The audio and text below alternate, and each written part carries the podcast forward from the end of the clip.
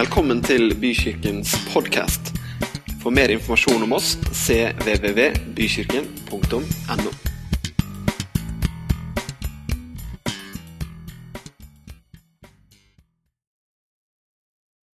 Kjære Jesus, vi legger denne formiddagen i dine hender, Herre. Vi legger den kommende uken i dine hender.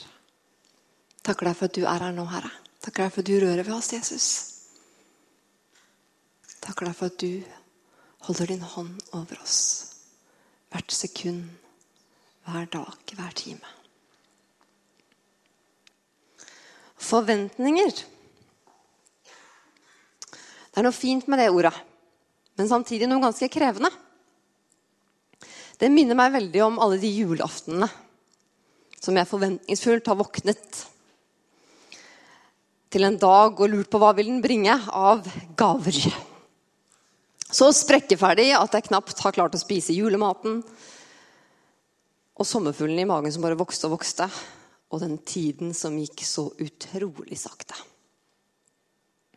Jeg husker spesielt én julaften. Hvor søsteren min og jeg Dette hadde vi gjort da mange år, selvfølgelig. Men eh, det var spesielt denne gangen. Vi hadde vært og klemt på pakkene. Og denne gangen var vi overbevist. 110% overbevist som, var, som fantes inni den, gav, i den ene gaven som lå, skulle ligge under juletreet. Og det sto øverst på, på ønskelisten vår. Det var intet mindre enn Barbies mann Ken. Vi hadde mange Barbier, men ingen mann til Barbie, så det var litt kjedelig. Eh, og Disse gavene hadde kommet i hus ganske lenge før julaften, så vi hadde jo planlagt og gledet oss i lang tid på hvordan vi skulle leke første juledag. Og jeg husker søsteren min Katrine, som sørget for å finne disse gavene. Ganske kjapt etter at gaveåpningen begynte. Og vi rev av papiret. Og det glade ansiktsuttrykket som jo kommer når du ser hva som er der, det var jo allerede i ansiktene våre. Men innenfor papiret så var det ingen Ken det var Play-Doh-leire. Det sto ikke på ønskelisten vår. Vi hadde aldri tenkt at Play-Doh-leire var verdt å ha. Så hva skulle vi egentlig med det? Snakk om nedtur. Og det gapet mellom forventningen min og realiteten det ga meg en lekse i ganske ung alder. Vi sluttet ikke å klemme på bakkene, men vi sluttet å konkludere så bastant på hva som var inni der.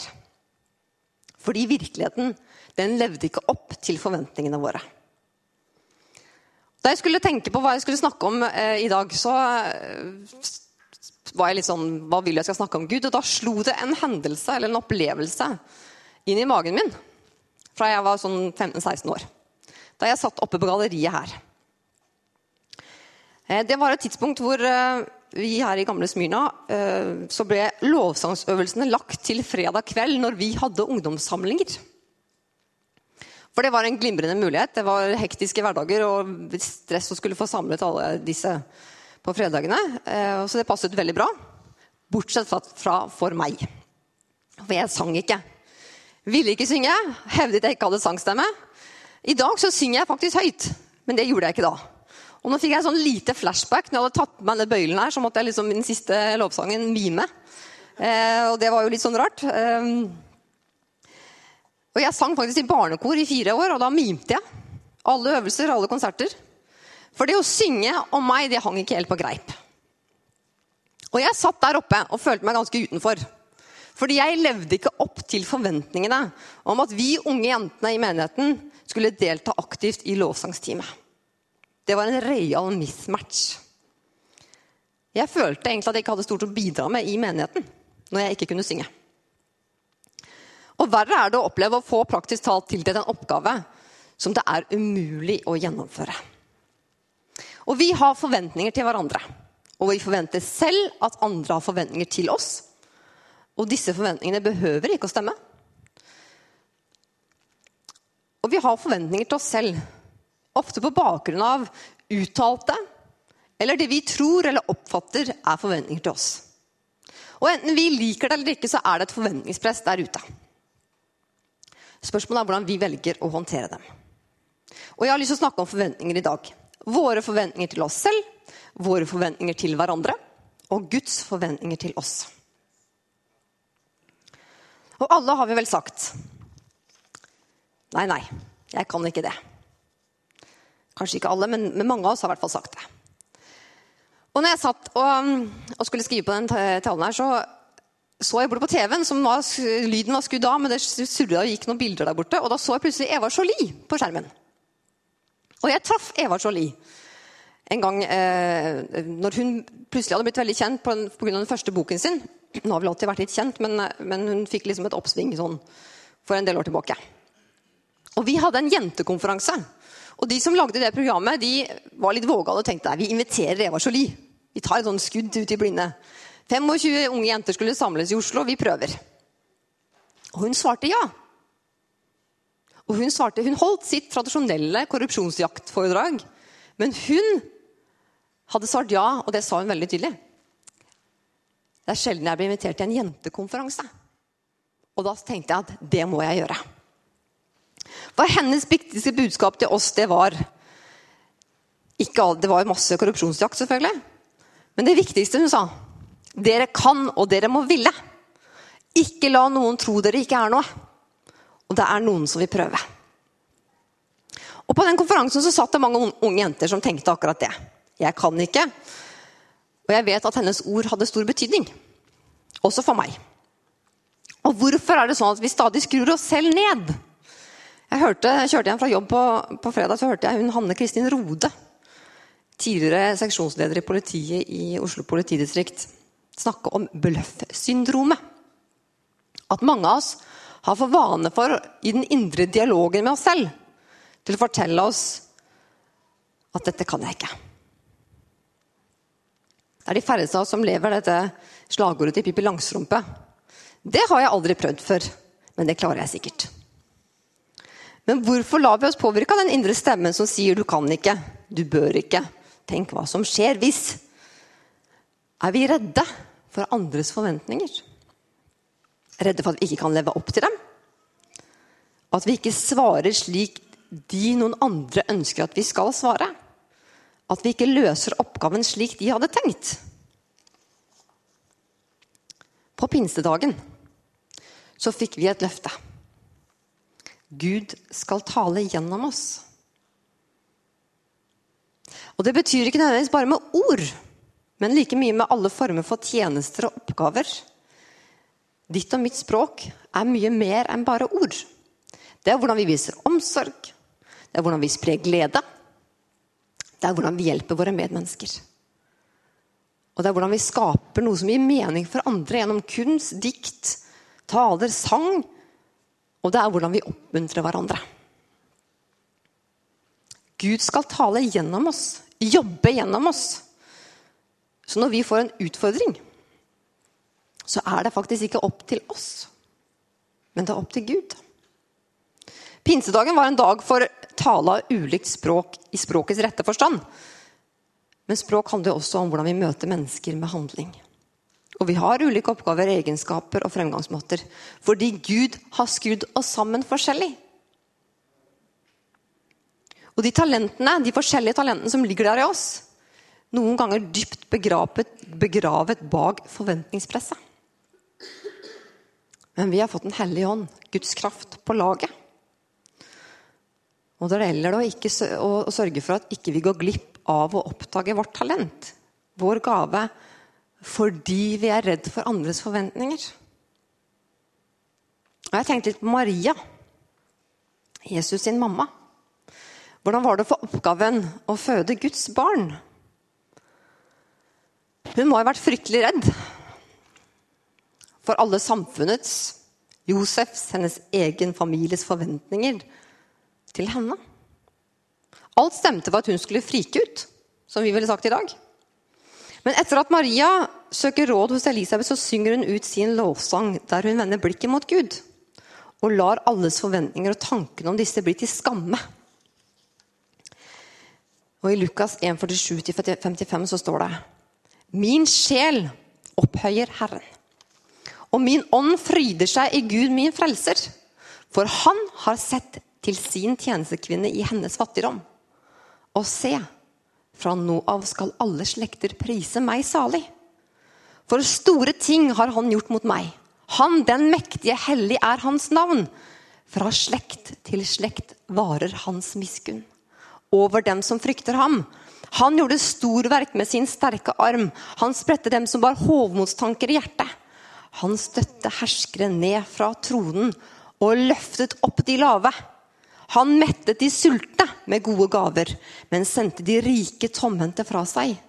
Han tok seg av Israel sin tjener og husket på sin muskum, slik han lovet våre fedre, Abraham og hans ett, til evig tid. Snakk om å overvinne forventningspresset! På min 27-års bursdag så fikk jeg en bok av en venninne som heter 'De paradoksale budene'. Eh, og Jeg har bare lyst til å si litt kort om denne venninnen, for hun er en veldig spesiell dame. Eh, hun er en som alltid har levd sånn med glede og smil og Guds kjærlighet sånn utenpå seg. Så veldig sterkt. Med alltid liksom de gristrende øynene. Eh, og denne jenta hun dro til Rwanda for å jobbe i fengslene der. Eh, og det er, er ikke liksom helt vanlig å, å, å, gjøre. Hun slapp inn på helt sånne unike måter inn i fengselet eh, gjennom en organisasjon. da riktignok, men hun hadde en veldig veldig tøff tid der. Hun møtte i forsoningsgrupper der voldtektsforbrytere og mordere satt og så eh, andre i øynene. Altså ofre og, og, og familiemedlemmer i øynene. Og Hun satt og grein, mens de andre som da hadde stått midt oppi dette, de satt ganske uberørte. Eh, og Hun opplevde også masse krav fra, fra fattige som forventer at når hun kom dit som hvit og rik, selv om hun hadde knapt noen penger, så skulle hun ordne opp i alt. Eh, men jeg tror for henne så ble dette, denne boken et litt sånn svar på å finne litt mening i det meningsløse. Og Det er et hovedsitat i denne boken som kanskje kan høres litt sånn dystert og trist ut når det kommer til det mellommenneskelige, men som har betydd mye for meg. Eh, hvis du finner mening i livet uten andre menneskers anerkjennelse, da er du fri.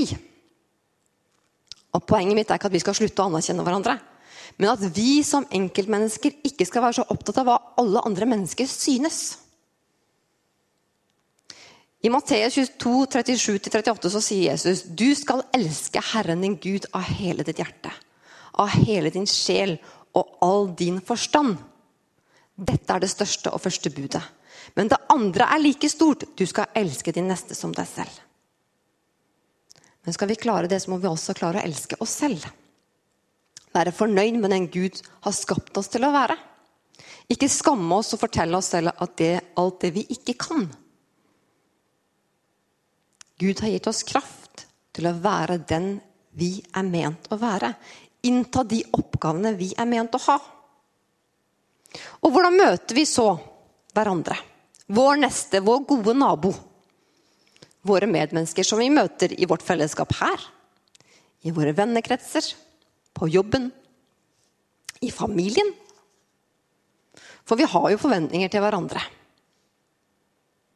Ofte kommuniserer vi kanskje ikke de forventningene så, så godt. Så tror vi kanskje ting som kanskje ikke engang folk forventer. På en annen side så går vi kanskje rundt med oppfatninger om hverandre som bør justeres noe. En god nabo skuler ikke misfornøyd over gjerdet og lurer på hva som skjer innenfor naboens hage. Er vi en god nabo, en god neste når vi møter mennesker på vår vei?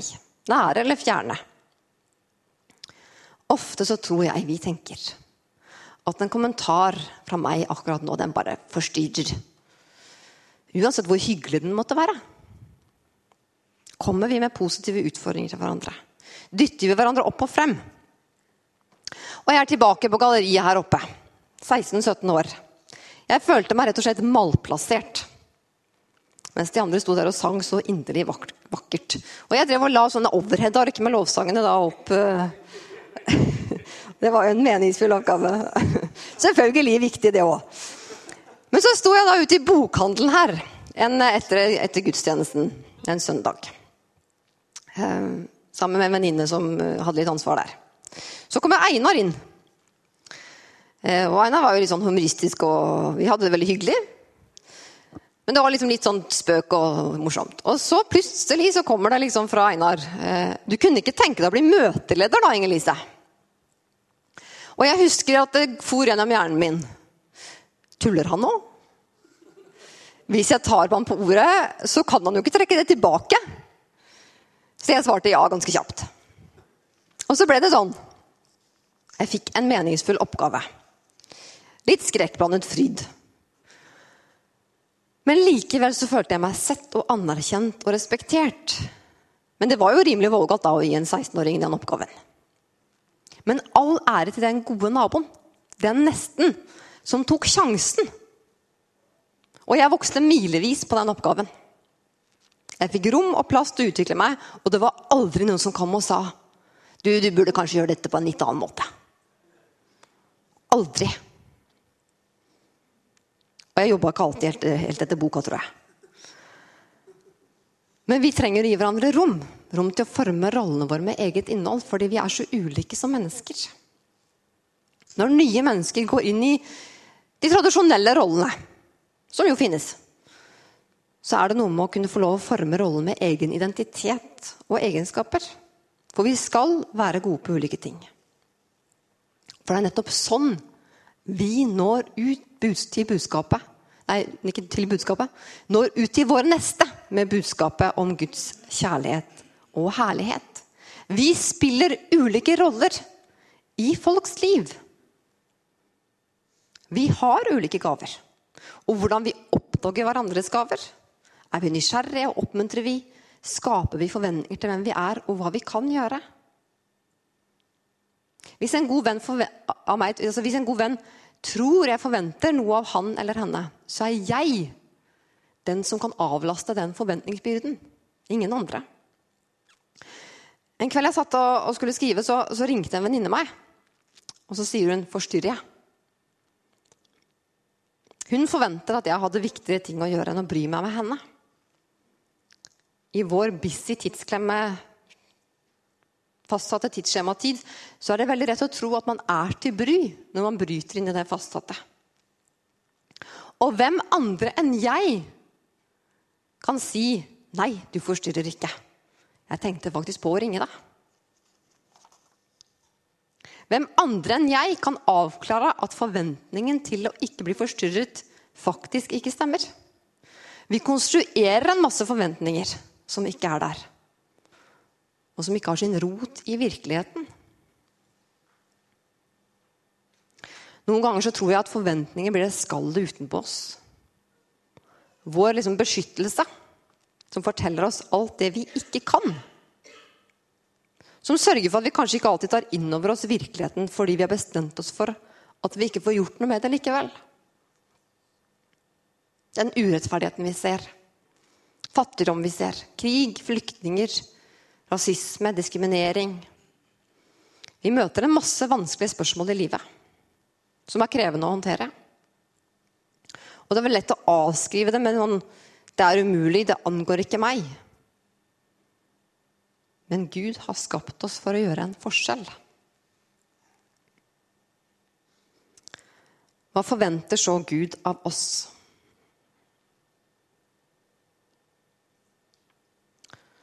Du skal elske Herren din Gud av hele ditt hjerte, av hele din sjel og av all din forstand. Du skal elske din neste som deg selv. Det er riktignok ikke alltid like enkelt å elske naboen som driver nabokrangling. Jeg har jo da blitt husboer siden, eller ja, det siste året. Um, har hatt litt sånn nabokonflikter oppe og går. Eller den kverulante kollegaen som bare ikke kan slutte å henge seg opp i den der filletingen. Hvor du bare har lyst til å liksom løfte huet og bare si 'Kan du se litt oppover?' Eller denne familien som alltid, alltid, alltid må finne noe å klage på. Eller den som blir sur når han eller hun ikke får lov til å være midtpunktet. Det er ikke alltid like lett å kjenne liksom å, nå har jeg lyst til å gi deg en stor og god klem for å vise liksom, Guds kjærlighet. Og så er det heller ikke sånn at folk er på jakt etter eller blir takknemlig for den kjærligheten som Gud har for dem. Den boken det godes, nei, eh, de, nei, Den godes paradokser, som jeg henviste til i sted eh, Hvis du kan leve uten andre menneskers anerkjennelse, da er du fri. Den boken heter 'Det godes paradokser'. Og den lanserer de ti paradoksale budene. Og For meg så gir de ganske mye mening. Så jeg har lyst til å dele de med dere. Menneskene er urimelige, ulogiske og selvsentrerte. Elsk dem likevel. Hvis du gjør det gode, vil folk beskylde deg for å være egoistisk. Gjør det gode likevel. Hvis du er vellykket, vil du vinne falske venner og ekte fiender. Vær vellykket likevel. Det gode du gjør i dag, vil være glemt i morgen. Gjør det gode likevel. Åpenhet og ærlighet gjør deg sårbar. Vær åpen og ærlig likevel. Store menn og store kvinner med store ideer kan bli drept av små menn og små kvinner med små tanker. Tenk stort likevel. Folk sympatiserer med den svake part, men føyer seg etter den sterke. Still opp for den svake part likevel. Det du bruker år på å bygge opp, kan rives ned over natten. Bygg likevel. Folk som trenger hjelp, kan angripe deg hvis du hjelper dem. Hjelp dem likevel. Gir du verden det beste du har, får du et slag i ansiktet. Gi verden det meste du har, likevel. vi kjørte hit, så, så fortalte mamma i bilen om en gang hun hadde vitnet og fått slag i ansiktet. Ja, du tror bare på eventyr. Det er jo ikke alltid sånn at det vi gir, blir mottatt på en god måte. Men den største gaven vi mennesker kan gi og få, er kjærlighet. Et liv uten kjærlighet er ufullstendig. Og vi må ikke begrense våre egne liv ved å begrense vår kjærlighet. Vi tror kanskje noen ganger at vi At på en måte kjærligheten vår stopper på et eller annet sted. Men han der oppe har en enorm kjærlighet som vi bare vil få mer og mer av. Og det er lett å inndra vår uttrykte kjærlighet når vi har blitt skuffet av noen. Men ekte kjærlighet er betingelsesløs. Ekte kjærlighet er å elske og bli elsket til tross for feil og svakheter. Er vi ikke nettopp skapt for å bruke kjærlighet som drivkraft i møte med vår neste?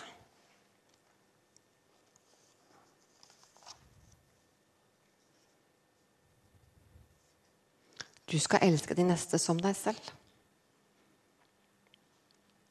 Gud forventer en viktig ting til oss. I ordspråkene snakker Salomo om å ha tillit til Gud. 3, 5-26. Det er et av de få versene som jeg har pugga. Og som har veldig mange ganger, Nå har jeg pugga det på engelsk, så derfor skal jeg lese det på norsk. sånn at ikke noen tror at jeg nå ikke, ikke husker det. Um, men det har kommet til meg så mange ganger. Jeg husker vi på um, Tenn-bibelskolen ble utfordret til å pugge Salme 1. Og jeg kjente for, meg, for meg så ga ikke Salme 1 meg så veldig mye på det tidspunktet. Så jeg tenkte ja, jeg får finne noe annet da, som kanskje gir meg litt mer. Som jeg tenkte jeg skulle pugge. Så akkurat denne eh, teksten her jeg, Og den kommer stadig tilbake til meg. For jeg liksom gjorde den jobben på å pugge den en gang i tiden. Og der står det Stol på Herren av hele ditt hjerte. Støtt deg ikke til din egen innsikt. Tenk på ham hvor du enn ferdes, så gjør han stiene dine jevne. Vær ikke vis i egne øyne. Frykt Herren og vend deg bort fra det onde. Det blir helse for kroppen. en styrkedrikk for marg og bein. Gi Herren ære med det du eier, med førstegreden av hele din avling. Da skal din matbod fylles opp. Pressekummene renner over av ny vin. Og her kan man jo se for seg veldig mange andre ting enn akkurat den der rene vinen. for å si det sånn. Det er, eh, min sønn, forakt ikke Herrens formaning. Mist ikke motet når han refser.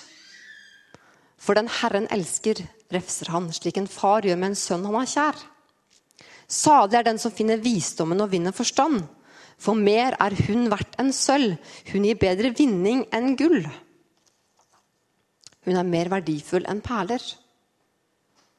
Av alle dine skatter er ingen som henne. Langt liv holder hun i sin høyre hånd, i sin venstre rikdom og ære. På veiene hennes er det herlig å vandre. Alle hennes stier fører til fred. Et livets tre er hun for dem som holder fast ved henne. Lykkelig er de som støtter seg til henne. Med visdom grunnla Herren jorden. Han grunnfestet himmelen med forstand. Ved kunnskapen hans ble dypene åpnet, og skyene lar duggen dryppe. Min sønn, ta vare på klokskap og omtanke. Slipp dem ikke av syne. Det skal være til liv for deg, et vakkert kjede om din hals. Da kan du vandre trygt på din vei. Du skal ikke støte foten mot noe. Du er ikke redd når du går til ro. Når du har lagt deg, sover du godt. Du blir ikke redd for uventet fare når ødeleggelsen kommer for de urettferdige. For Herren skal være ved din side. Han skal vokte foten din for snaren.